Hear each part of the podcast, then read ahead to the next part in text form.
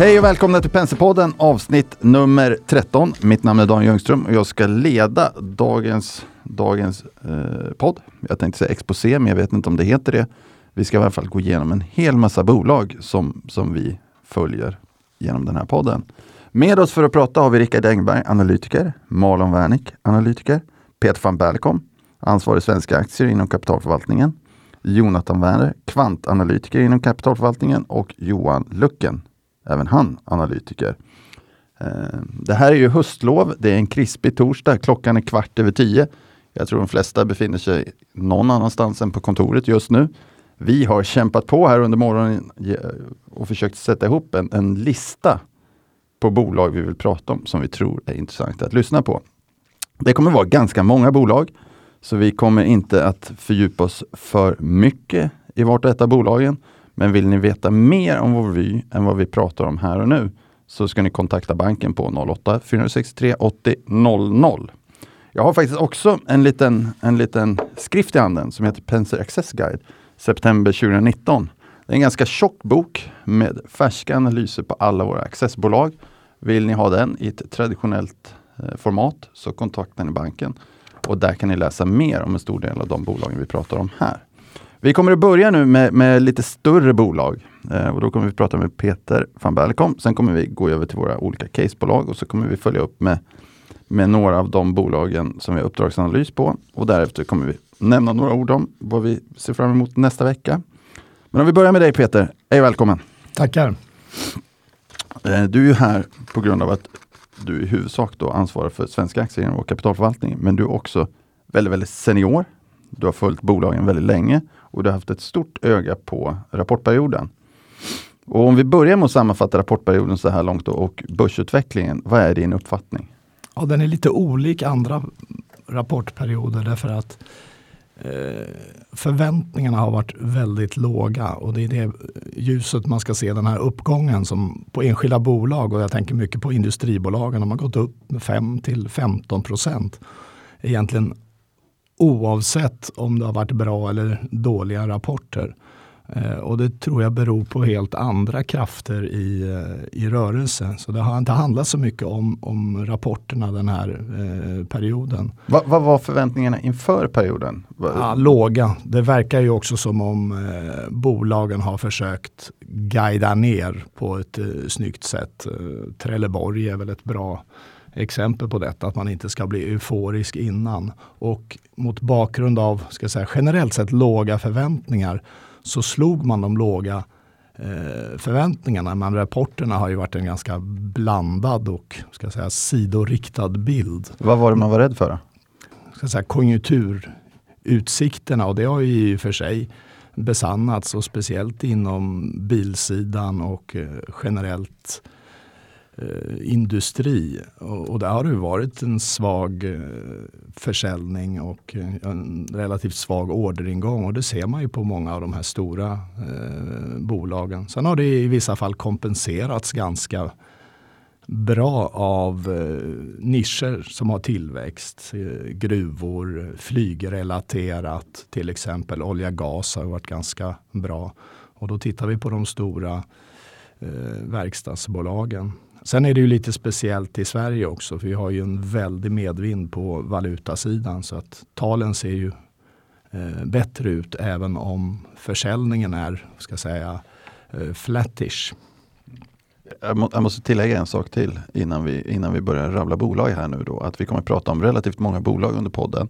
Vissa av de bolagen kan några av de som pratar om eh, vara ägare i, alltså ha innehav i.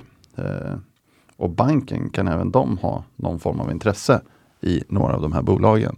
Så om vi har lite utgångspunkten då eh, för att slippa bryta ut varje bolag för sig, att vi är ägare i dem så har ni en liten tilt på, på den saken. Eh, I övrigt så har vi en ganska lång eh, vad heter sån här, disclaimer, både i slutet på podden och som ni kan läsa innantill på, på iTunes bland annat. Då, om ni vill veta mer om det. Vi kör vidare Peter. Ja, sen har vi ju ett, ska säga, ett eh, skift i, i värderingen av bolagen. Om man har ett bolag som tidigare hade P-tal på 10 till, till 12 eh, så har även och, och rapporterna varit stabil Q3-rapporten och utsikterna för Eh, resten av året är konfirmerade, då har man med ett lägre avkastningskrav eh, satt en, en högre multipel. Då säger man P 12 till 15 och det har man ju sett egentligen oavsett eh, bransch och bolag. Eh, e, egentligen inte så mycket när det gäller banker men, men på industribolagen. Och det kanske bästa exemplet är ju Atlas Copco som innan rapporten handlades på eh, ungefär 22 gånger vinsten. Han är en väldigt bra rapport. Eh, ett av de få verkstadsbolagen som ändå visar någon riktig organisk eh, tillväxt. Och en uppgång på ungefär 10 procent och nu handlar man eh, A-aktien på 24 gånger på, på årets vinst. Så en, ett, ett nivåskift och det gäller många andra bolag eh, också. Jag kan återkomma till det. Om vi, om vi går igenom några bolag då Peter. Och så, så har vi att välja på här, ABB, Sandvik, Volvo, Trelleborg, Atlas, eh, bankerna, SCA och så vidare. Men vi börjar med ABB. Eh, ABB är ju en långsiktig tillväxtstory snarare än hur det går just nu. Eh, orderingången var sidoriktad, försäljningen sidoriktad, eh, marginalerna något under press men det var mer EO eh, poster i detta. Underliggande väldigt stabilt men här handlar det ju om elektrifieringen, infrastrukturella investeringar och en ny vd som eh, i Björn Rosengren som tar tag i, tag i struktur, kostnader och en eh, decentraliserad organisation. Och det här finns det ju en ska säga, en förväntan och en förhoppning om att marginalerna ska röra sig uppåt betydligt från de här 11, 12, 13 procent man har idag. Eh, jag skulle gissa att långt över 15 på, på några års sikt. Och det finns väldigt mycket att göra. Så det är typiskt en aktie som är, är i en förväntansfas. Sen har man ju redan sålt av eh, en del eh, och eh, när man får relevanta jämförelsetal så ser ju inte värderingen så hög ut längre. Men det, det är en... äger, äger du ABB i din portfölj? Ja. Gör du någonting med anledning av rapporten? Nej. Köper, säljer neutralt? Nej, rent generellt så har jag inte gjort några förändringar i de här stora bolagen. Nej. Om vi tar Sandvik då? Eh, Sandvik är ju ett underskattat eh, bolag och där tänker jag mycket på att marginalerna i det som är eh, kvar om ett år om man nu eh, spinner av eh, SMT, det vill säga Mining and Rock Technology och eh, Machining Solutions är en verksamhet som har marginaler på 18 till 20 procent och en väldig stabilitet. Man har själv sagt på kapitalmarknadsdagen att man över cykeln ska ha minst en marginal om 16 procent. Jag utgår från att det är SMT med i det här så att man kan räkna lite högre. Eh, och att man då har värderat det här i 14-15 eh, gånger vinsten, det, det, är alldeles för lågt. Utan att det har varit en oro för eh, att vd försvinner, Björn Rosengren igen här. eh, men det, det, är ett underskattat industribolag. Eh, om än det finns en cyklikalitet i det och det, det har visat sig vara lite svagare just nu i SM, eh, Machining Solutions. Eh, men det, där vidtar man ju eh, besparingsåtgärder och ett ganska stort program och är proaktiva. Är, är du positiv till aktien? Eh, ja.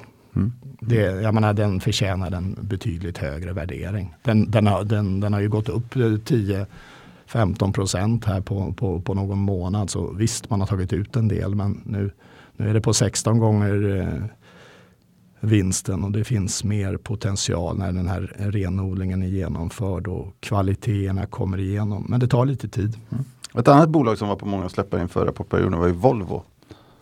Vad har vi för vy på Volvo? Eh, ja, det är ju, de är ju sena i cykeln. Och sen är ju frågan hur svagt det blir. Orderingången var ju betydligt sämre än väntat. Man hade ju ett väldigt stark eh, orderingång förra året och marknaden generellt var väldigt stark. Eh, men där förväntar man sig ett betydande vinstfall nästa år. Så att eh, om man blickar ut lite grann och det är det svåra, det är ju att, hitta ska säga, botten i vinsten och, och, marknaden har ju väl delvis sett igenom det här. Man, man handlas ju på drygt åtta gånger PE på året. Men nästa år så flyger det här ju upp till 11. Eh, och förhoppningsvis så blir cykeln inte så, så svag. Och det är väl den generella bilden i alla andra verkstadsföretag och den oro som fanns innan att det skulle bli ännu sämre nu i Q4. Visst, det är ingen styrka i ekonomin men aktivitetsnivån är väl förväntad att ligga på ungefär samma eh, nivå som det har varit. Sen får man se vart det kommer i nästa skede. Så värderingen är låg på Volvo, sannolikt en extrautdelning ex nästa år. Eh, svårbedömd aktiekurs. Cheap for a reason är väl ett, ett, ett, ett bra talesätt i det här. Ja, jag vet det. det här är ju torsdag då och jag har varit och ägnat mig åt pelagiskt vertikalfiske tror jag heter, vilket innebär att man sitter och pimplar en kall båt. Så jag har faktiskt inte varit så, så himla ajour de sista dagarna, men precis innan vi gick in i, i Finwires utmärkta poddstudio så nämnde du för mig att du kunde prata lite om SCA också som var aktuellt. Jag har inte en aning varför SCA är aktuellt, men, men du får gärna berätta. Eh, eh, uh, SCA det är väldigt enkelt, ett bolag med ett börsvärde på 70 miljarder, uh, realtillgångar, Eh, och nu har, värderar man upp eh, skog och mark till någonstans mellan eh, cirka 64 miljarder. Till det kan man lägga en industrirörelse. Säg att man värderar den till 15 miljarder, vilket marknaden gör. 64 plus 15 och så drar man av en skuld på ungefär 9 miljarder. Då är man nere i 70. Så det är det som är Eh, börsvärde just idag på en aktiekurs på eh, cirka 100 kronor. Och det har ju varit en väldigt bra utveckling i år efter den här uppvärderingen som var lite mer, ska säga, eh, offensiv än man kanske hade väntat till ett verkligt värde på skogstillgångarna. Eh, men då kommer ju alltid frågan vad är industrirörelsen värd? Men säg att den är värd 25 miljarder, ja då har vi ju en möjlig uppvärdering ytterligare till eh, 10-15 procent till på, på, på kursen. Eh, och om tittar vi hur fastighetsbolag i övrigt har gått så ja, varför ska man inte värdera det, värdera det till fullt värde? Så att eh, det kan ju synas att det har gått, gått mycket men det, det, risken är nog låg även på den här ska säga, synbart hö, eller den här höga kursen. hur, hur, har din portfölj gått under året? Eller hur har dina portföljer gått? Du har flera portföljer. Ja, vad, vad, är det som har, vad är det som har varit vad är det som har stuckit ut i din förvaltning?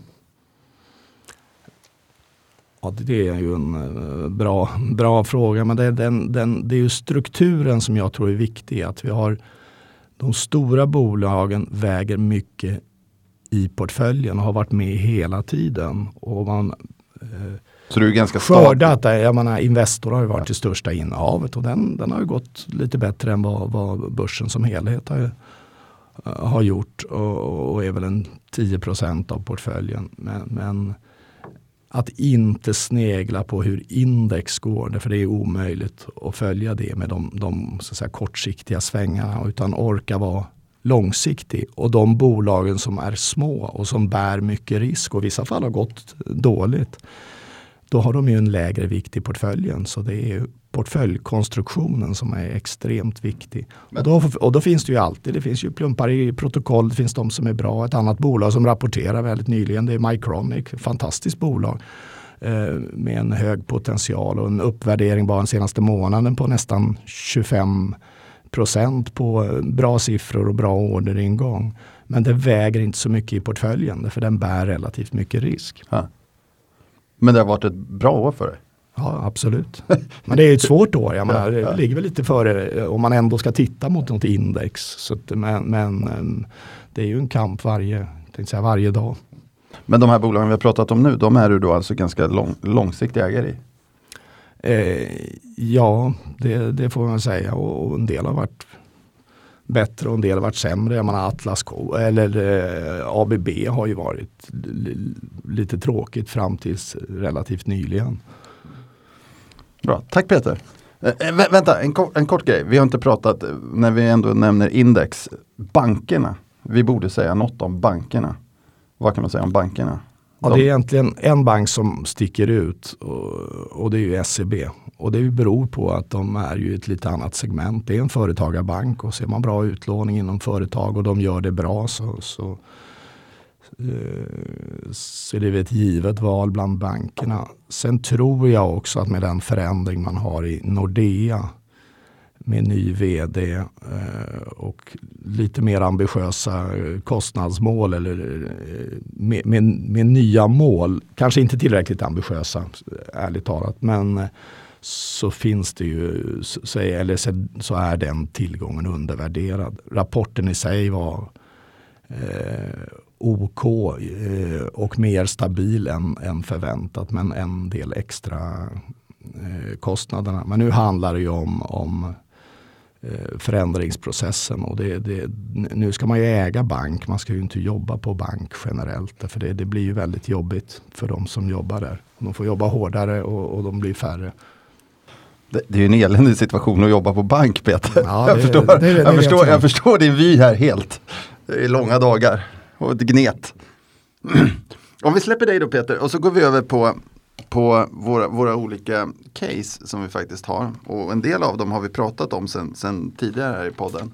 Eh, och så går vi till dig Rickard och så börjar vi prata lite MTG. Välkommen Rickard! Tack så mycket! Ja, vi kan vi börja prata lite MTG. De rapporterade nu i veckan i tisdags Eh, det man kan säga, säga om att siffrorna var väl kanske lite under marknadens förväntningar. Eh, det som jag tyckte var intressant var att e-sportdelen växte starkt. Man växte med 12 procent eh, year on year trots, trots färre event än förra året i Q3. Vilket gör att man lyckas kommersialisera varje event bättre. Eh, men fokus i den här rapporten var snarare på vad bolaget kommer att göra än vad som har hänt. Det första man gjorde var att man lanserade ett sparprogram eh, centrala admin ska uppgå till 100 miljoner årligen från 2020, 2021 och framåt. Samt att man ska genomföra en strategisk utvärdering av gamingbenet av bolaget för att skapa aktieägarvärde. Och alternativ här är bland annat att man skulle notera gamingbenet, plocka in en partner och sälja delar av det. Allt för att skapa aktieägarvärde. Och det här gör ju att helt plötsligt kan man förstå den samma part vi gjort. Vi har ju värderat e-sportbenet, ESL, till lite drygt 5 miljarder. Ja, gamingbenet till ungefär också 5 miljarder. Och sen lite, lite andra tillgångar, vilket gör att man kommer upp i ett ja, aktievärde per aktie på ungefär 150 kronor. Den står nu i runt strax under 90. Och vi, jag gillar när en ledning verkligen tar tag i och vill skapa aktieägare på det här sättet. Så jag kommer följa MTG väldigt nära framöver. Hur Hade du någon vy inför? Alltså jag, som sagt, den kom in lite under mina förväntningar. Eh, på, både, både på intäktssidan och lönsamhetssidan. Men kommunikationen är i linje med vad du vill se? Ja, exakt. Eh, aktiemarknaden handlar om att blicka framåt snarare än bakåt. Så. Mm. Om vi går vidare, Kindred. Kindred är ett bolag som haft ett trading case i. Vi tyckte att den i höstas var väldigt nedpressad eh, på grund av kanske andra anledningar, fundamentala anledningar. Så vi lanserade trading case i den. De rapporterade i fredags eh, förra veckan. Det var en bra rapport. Eh, Omsättning i linje med väntat. Lönsamheten dock starkare än väntat på grund av att man har man gör lite lägre investering i marknadsföring. Eh, så man kommer in starkare, starkare än marknadsförväntningar. Jag tror man steg uppåt nästan 15 procent på rapport. Eh, och det här gjorde att det trading, den tradingmöjlighet vi såg med att den var nedpressad av andra anledningar, fundamenta, kanske försvann. Bolaget är fortsatt intressant och vi kommer definitivt titta noggrant på det nu efter rapporten. Det kan ju finnas en och annan, en och annan poddlyssnare som har hört att vi faktiskt har drivit det här som ett case. Vi går vidare, Evolution Gaming. Evolution Gaming är ju ett av mina absoluta favoritbolag. Eh, det var en väldigt spännande vecka förra veckan. De började med att, började med att komma med ett avtal med Flutter Gaming Group som äger bland annat Paddy Power. Att man ska leverera sin, samtliga, sina portfölj av lösningar till dem. Det är en av de största operatörerna i Europa, vilket gör att man ökar intäkterna på reglerade marknader. Vilket är bra, vi skriver upp estimaten på grund av det. Eh, sen kom de med en rapport som kom in bra, starkare, bra mycket starkare än marknadens förväntningar. Eh, dels så guidar man upp sitt marginalmål. Man kommer nu hamna strax över 49% på ebitda-marginal på helår. Samt att man, de spelen man lanserar i år, som är ett lite nytt segment, man kan kalla det med casual-spel, går väldigt bra. Och ja, det här gjorde att vi fick justera vårt motiverade värde ytterligare lite och höja riktkurserna estimatet något. Om man, om man ska sammanfatta då spelsektorn lite grann. Eh, som, som, som, kanske haft det lite tufft ett tag. Eh, vad, vad, vad, vad säger då kollektivet av rapporter dig framåt? Ja, så jag skulle väl nästa, nästan säga att jag tycker lite vind, vinden har vänt nu. Eh, det tittar man på, dels på, på den svenska marknaden som jag tycker förut att många man stirrar sig blind på. I Kindreds fall är den inte en av de största marknaderna, kanske runt 15 procent. Men jag tror att den har varit, i synnerhet operatörerna, varit nedpressad av andra anledningar än ren fundamenta. Och tittar man på mått som cashflow yield, eh, cashflow och dylikt så ser många bolag väldigt intressanta ut. Har vi kvar några case här? Vi har uh, SmartEye. Vi har SmartEye. Nu kommer Marlon. Marlon här. Uh, Smart är ett annat casebolag vi har uh, haft nu drygt ett år. Uh, Rittkurs 142 kronor på den, handlas drygt 100 kronor idag. Uh, vi pratade om tidigare i podden så jag gissar att flertal är, är bekanta med, med, vad de gör. Men det, det är uh, förarövervakning i bilar. Eh, de kom rapport ja, precis en vecka sedan, förra fredagen.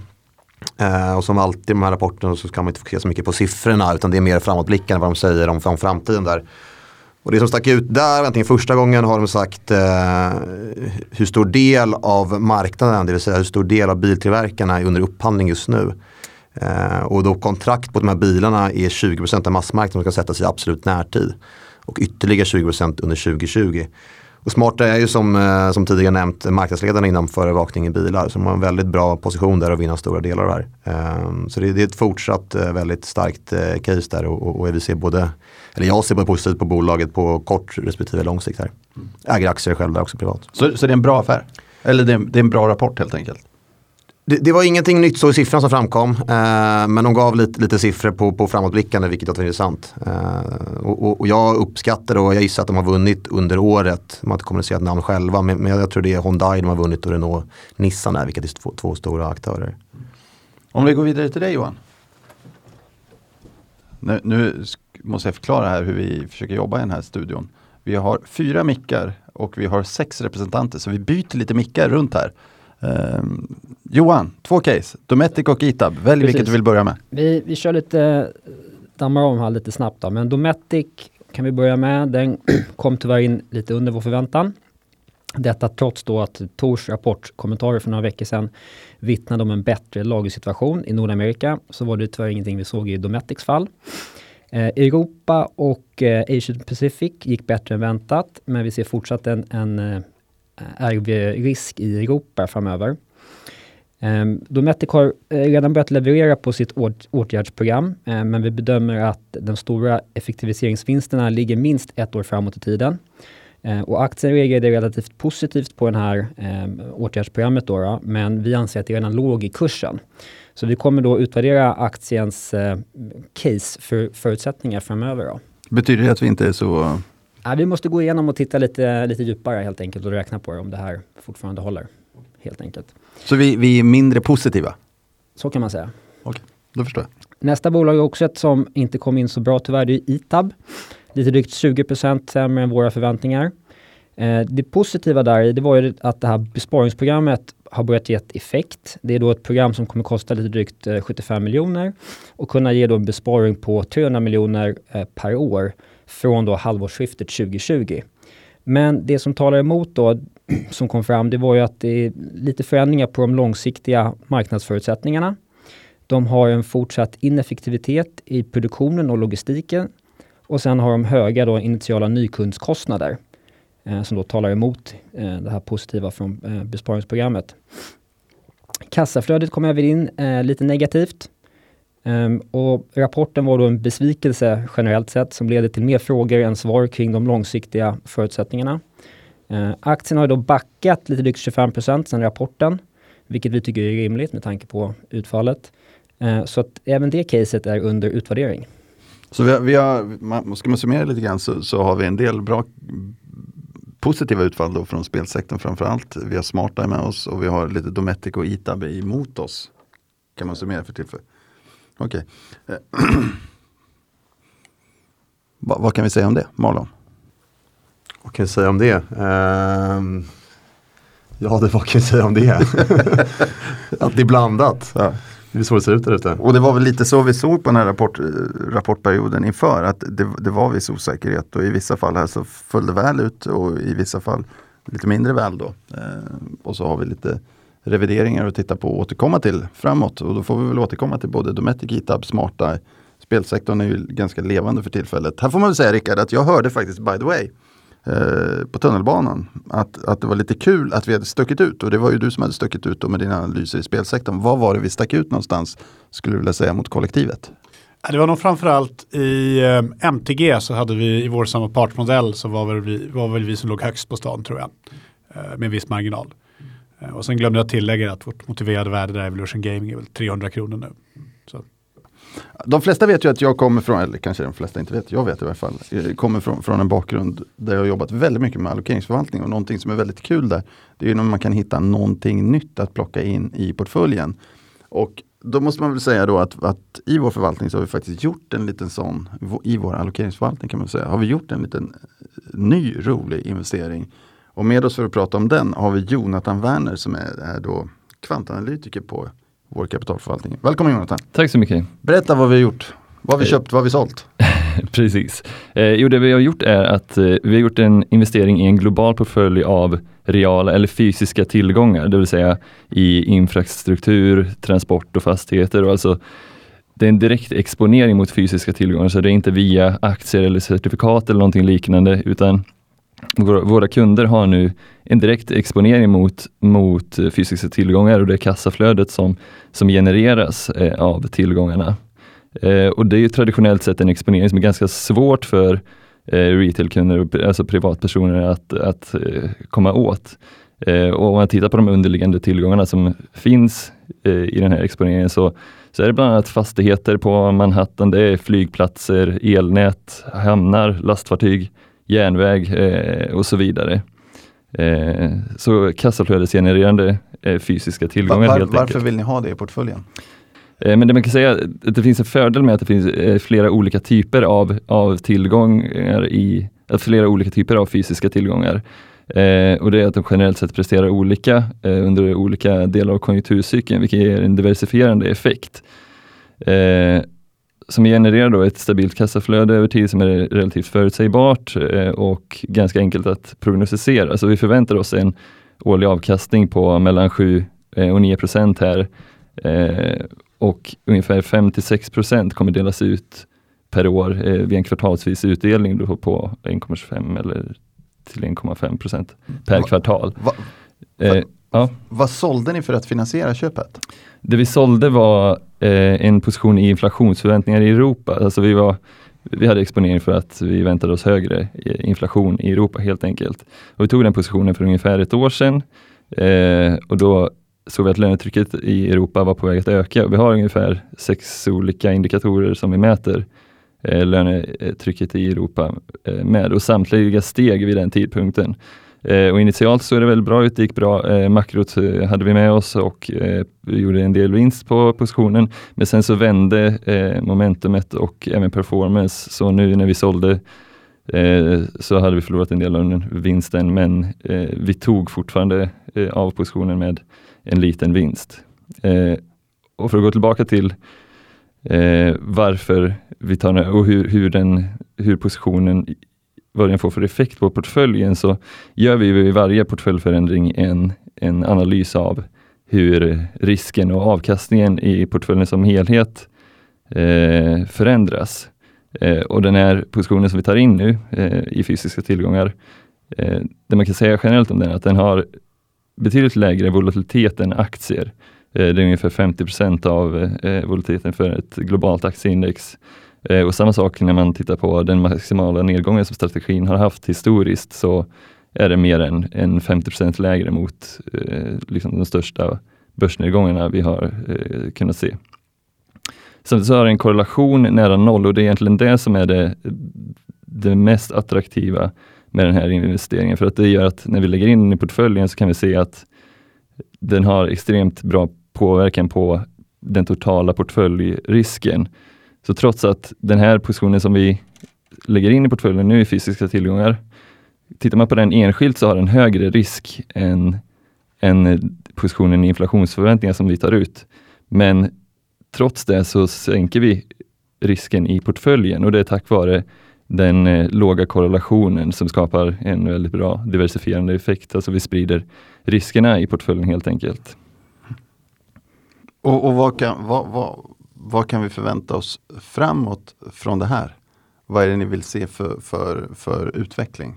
Vad är det ni hoppas på så att säga? Ja, alltså generellt sett så har ju vi vi har ju haft en husvy där vi har varit väldigt positiva till eh, börsutvecklingen och marknaden som helhet eh, och det har vi stått fast vid ända sedan i januari. Så vi har haft en kraftig övervikt mot aktier. Samtidigt har vi kunnat se att det är viktigt att ha en diversifierad portfölj eh, och det här är ett väldigt bra sätt för oss att, att eh, uppnå det och, ha, och fortsätta ha en hög diversifiering i portföljen samtidigt som vi är väldigt positiva till marknaden som helhet och tror på en fortsatt bra utveckling.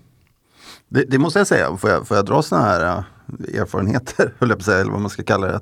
Det var faktiskt en som nämnde för mig i duschen att vi, att vi hade varit eh, väldigt positiva under året. Det andra kanske var lite mer negativa. Duschen betyder att vi, jag var och tränade och klädde om och henne kom fram och började prata om att det har gått bra. Så, så hur har själva förvaltningen gått? Hur, vad är utfallet från, från förvaltningen så här långt under året?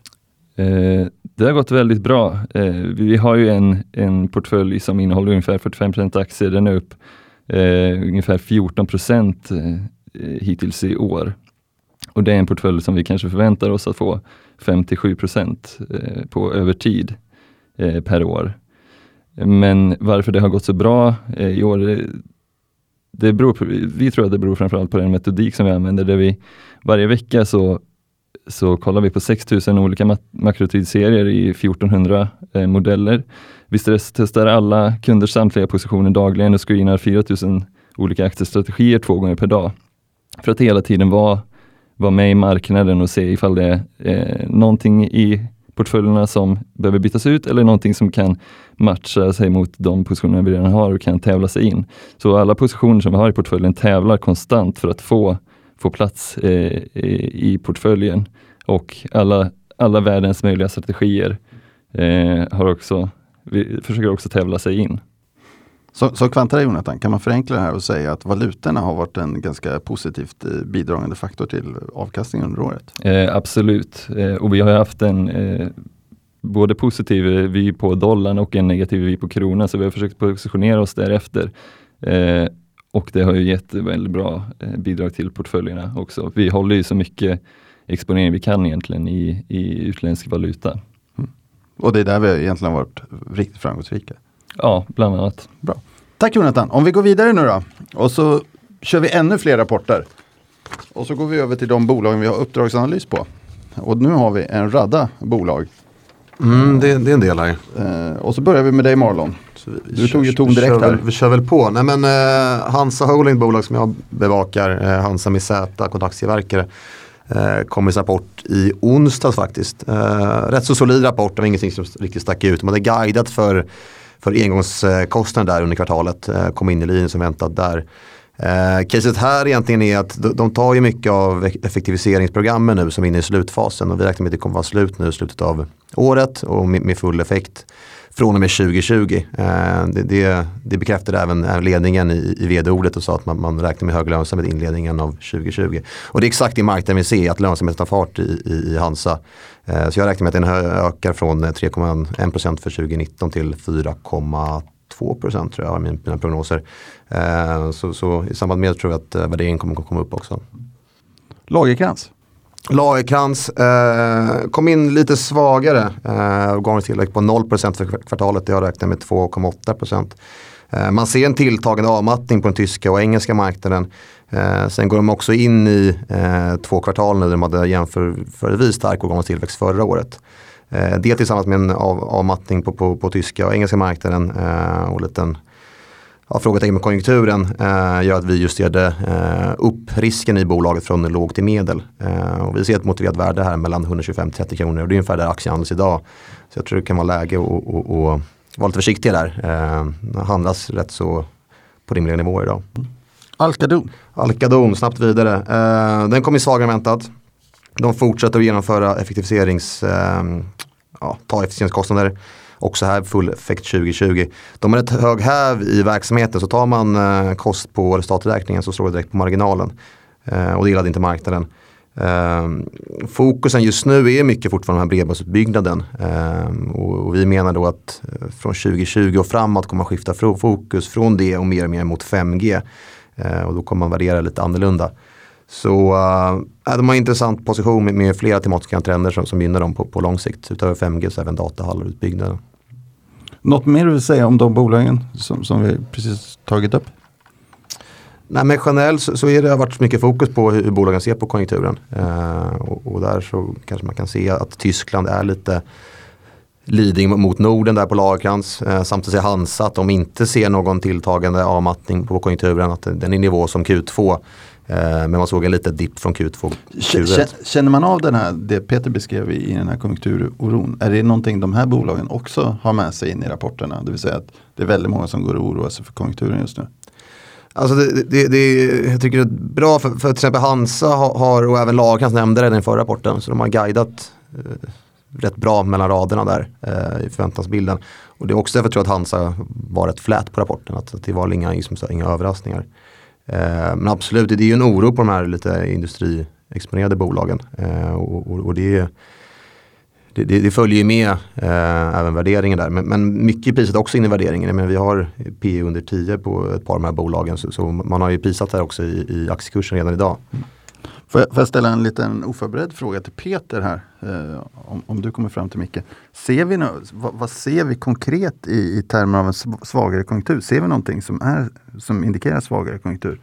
Nej, jag tror inte det. Men det, det, marknaden har ändå varit positiv på det är ju det här med handelsavtal och eh, solida makrosiffror. Det stabiliseras och vi ser ju Eh, att nedgången den, den kommer i Sverige för en, en, lång tid tillbaka och då hoppas vi ju att det bottnar ur eh, nu även om det inte är någon styrka. Men jag tror precis som mina kollegor nämner att de här små bolagen de, de, de rör sig på egna meriter. De, de riktigt stora har ju fått en uppvärdering mer på eh, makrobild, flöden, eh, någon sorts stabilitet eh, och, och, lägre räntor. Och, och, det är klart, finns, kommer den här riskaptiten tillbaka eller risk, risken in i marknaden, ja då går de här stora som har gått upp, då följer de väl ner eh, med ner en, eh, en period. Eh, så det är andra krafter i rörelse. Mm. Så att, eh, jag tror det är ett fantastiskt läge att plocka en del småbolag som har halkat efter eller som inte har gått upp bara för att det finns en, en, en, en någon sorts likviditetsrisk. Och jag tror Hansa Holding är väl ett jättebra exempel på det. Mm. Finns också med i Momentum-portföljen. Så, så det är topic bland bolag vi bevakar. Och den, den ska vi prata om om någon månad. Momentum-portföljen. Ja exakt, vi viktar om den i början av december så kort efter det hoppas jag att vi får vara med. Om vi, om vi släpper vad jag tror är eh, konjunkturkänsliga bolag och går in på lite mer konjunkturkänsliga bolag och ökar komplexitetsnivån ett litet eh, snäpp här då Johan. Och så börjar vi prata om Midsona. Precis. Midsona är ett bolag vi bevakar. Där har vi då en medelpotential i aktien till en medelhög risk. Om man kollar på rapporten då så kom den topline-mässigt in lite lägre än vad vi räknat med. Midsona har gjort en del förvärv den sista tiden och vi trodde vi skulle få ett större bidrag därifrån under kvartalet men det får vi vänta lite med.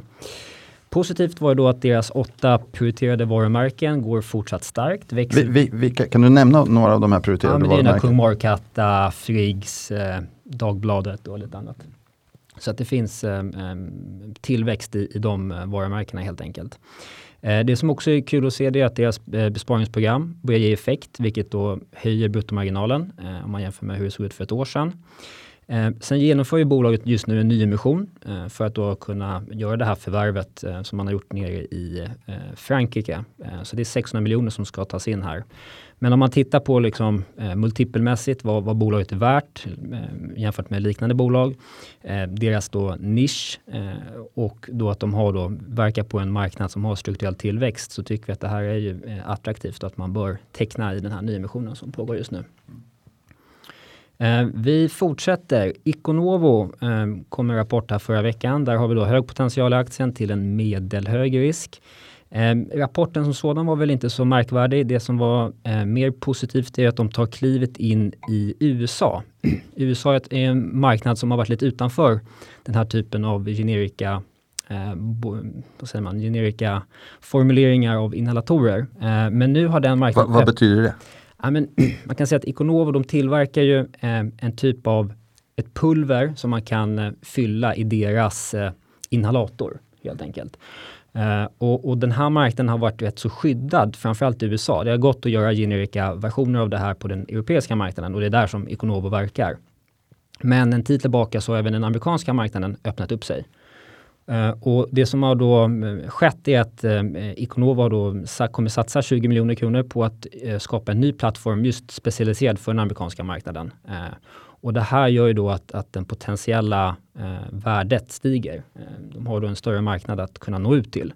Så det gör ju egentligen helt enkelt, om man räknar lite på det här, så, så höjer vi vårt motiverade värde eh, för aktien då från 60 kronor till 67. Och vad handlas den nu? Nu ligger den på runt 53. Eh, så att vi, vi ser en bra uppsida där. Eh, och det här är ju ett väldigt fint bolag tycker vi, i och med att affärsmodellen då gör ju att de hela tiden får löpande eh, kostnadstäckningar för de utvecklingsprojekt de har. Så att vi ser en väldigt låg risk för att de skulle behöva göra en ny, ny emission helt enkelt. Så att det här är ett fint bolag. Mm. vi Kör fortsätter. Eh, Probi kom också med rapport förra veckan. Där har vi då en medelpotential till låg risk. Eh, de flaggar ju här i början av eh, oktober att de ser en liten inbromsning på den amerikanska marknaden.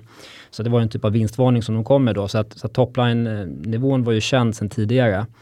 Eh, kort, så, kort, bara, vad gör Probi? Eh, Probi de tillverkar olika typer av eh, vad ska man säga, bakterielösningar som man kan ha i olika typer av eh, juicer eller fil eller kosttillskott. Så, så vad betyder det här en inbromsning?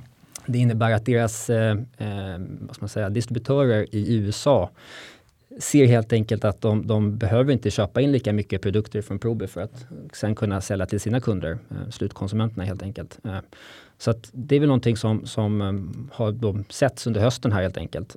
Och det gör ju då att de inte klarar att leverera på sitt helårstillväxtmål som de hade i början av året. Därav gick de ut och, och, och flaggade för det här.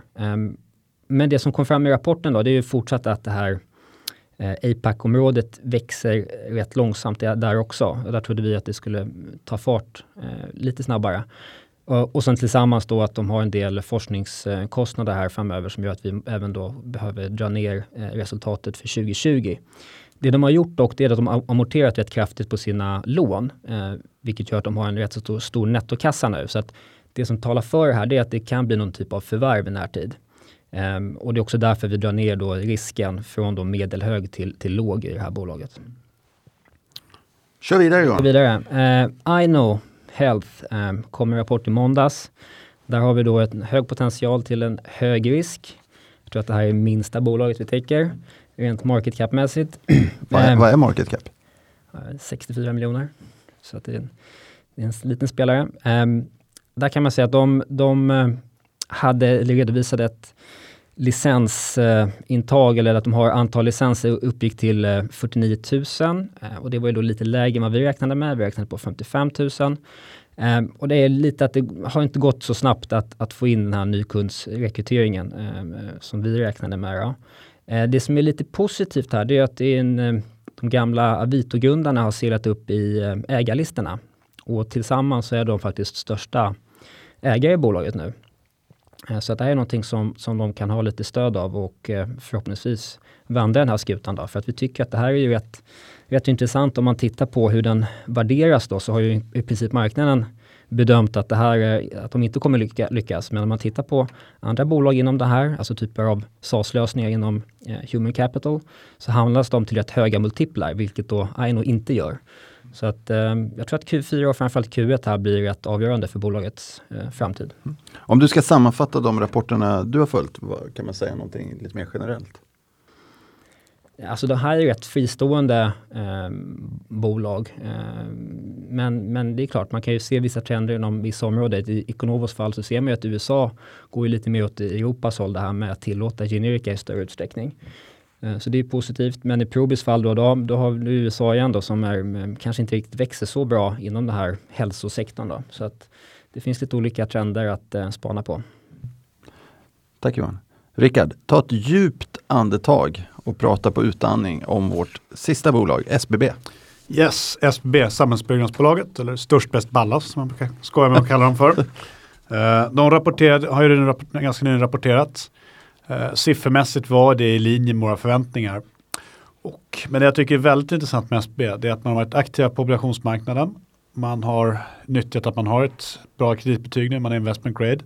Så man har sänkt sin snittränta eh, som man lånar på till lite drygt ja, 175 baspunkter. Och man har just nu en kassa på nästan 8,5 miljard kronor. Eh, det är vissa tillträden nu som kommer i Q4, men låt oss säga att de sex, man använder 6 miljarder av de här, 6 miljarder de här till nya förvärv eh, och förvärva på en direktavkastning kring 5% så kan man addera nästan 300 miljoner till förvaltningsresultatet och driftsnettot baserat på vad man köper med den här kassan. Och ja, det gör att vi ser ett, ser ett motiverat värde kring 28 kronor, vilket gör att vi ser ett, ja, en medelhög potential till en låg risk i det här bolaget. Va, vad handlas bolaget i nu? Eh, kring 22 kronor tror jag. Och du sa? 23? 23 kronor handlas de på och vi ser väl att ja, någonstans kring 28 kronor. Kan, kan man sammanfatta, om jag ställer samma fråga till dig Rickard, då, kan man sammanfatta något eh, kring det du följer om vi nu slår ihop spel och så vidare? Vad är din vy från, från perioden? Ja, spel har vi redan pratat om. Det har ju varit överlag positiva rapporter på lågställda förväntningar kan man nog säga. Undantaget Evolution, möjligen Kambi då, att förväntningarna varit högställda om man har slagit dem. Sen när man tittar på fastighetsbolagen så kan man ju säga att det har varit lite spridda skurar. Och där har man ju marknaden varit handlat ner de bolag som har visat en negativ nettouthyrning under kvartalet. Eh, bland annat Fabege och Castellum. Samtidigt som bolag, fastighetsbolag som har starka rapporter, till exempel SBB, har man då handlat upp. Tack. Tack allihopa för, för er tid. En, en av de grejerna jag fokuserar mest på under den här podden mot slutet är hur man ska avrunda podden. Vi, vi diskuterade det lite inför och konstaterade att en av de stora grejerna hos oss nästa vecka är ju bolagsdagen eh, 27. Nej, vad säger jag? Bolagsdagen. Eh, vilken dag är bolagsdagen? 27. 27, den är 27. Men inte nästa vecka. Nej, förlåt, 27. Eh, och där, där kommer en stor del av de här bolagen faktiskt att dyka upp. Och det, det kan vara värt att, att eh, faktiskt då ropa till sig en plats om man vill höra lite mer. Vi kan väl slå slag också för vår Autotech-dag 14 november där bland annat Smarta kompresterar eh, och även Bioneer eh, och två andra intressanta bolag. Vad kommer ni göra i helgen? Vad gör du i helgen Rickard? Jag vet inte. Du vet inte? Vad vi, gör du ju- vi Malin? har ju Djurgården så, så vi ska väl fira Djurgården Ja, just såklart. det. Fira guldet såklart.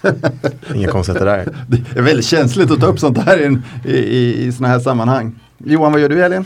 Ja, det är en bra fråga. Eh, städar. Städar.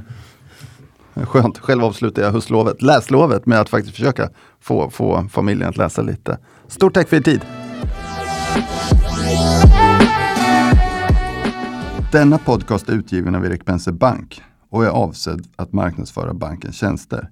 Vissa bolag som nämns kan därmed ha något samarbete med banken i form av fondförvaltning, analystjänster, certified advisor-uppdrag med mera. För mer information om dessa tjänster, fondförvaltning och även bankens hantering av eventuella intressekonflikter vänligen se bankens hemsida www.penser.se. Vänligen notera att investeringar i finansiella instrument, inklusive fonder, är förknippade med risk. Historisk avkastning är en garanti för framtida avkastning. De pengar som placeras i finansie- finansiella instrument kan både öka och minska i värde och det är inte säkert att du får tillbaka hela det insatta beloppet. Ingen del av Penserpodden ska uppfattas som investeringsrekommendation. Informationen är heller inte att betrakta som investeringsrådgivning då den inte tar hänsyn till mottagarens specifika investeringsmål, ekonomisk situation eller kunskap. De uppfattningar som redogjorts för i podcasten återspeglar de medverkandes uppfattning för tillfället och kan därmed ändras. Externa gäster i Penserpodden framför sina egna åsikter som kan avvika från bankens uppfattning. Banken frånsäger sig därmed allt ansvar för investeringsbeslut och för direkt eller indirekt förlust eller skada som grundar sig på mottagarens användande av informationen i podcasten.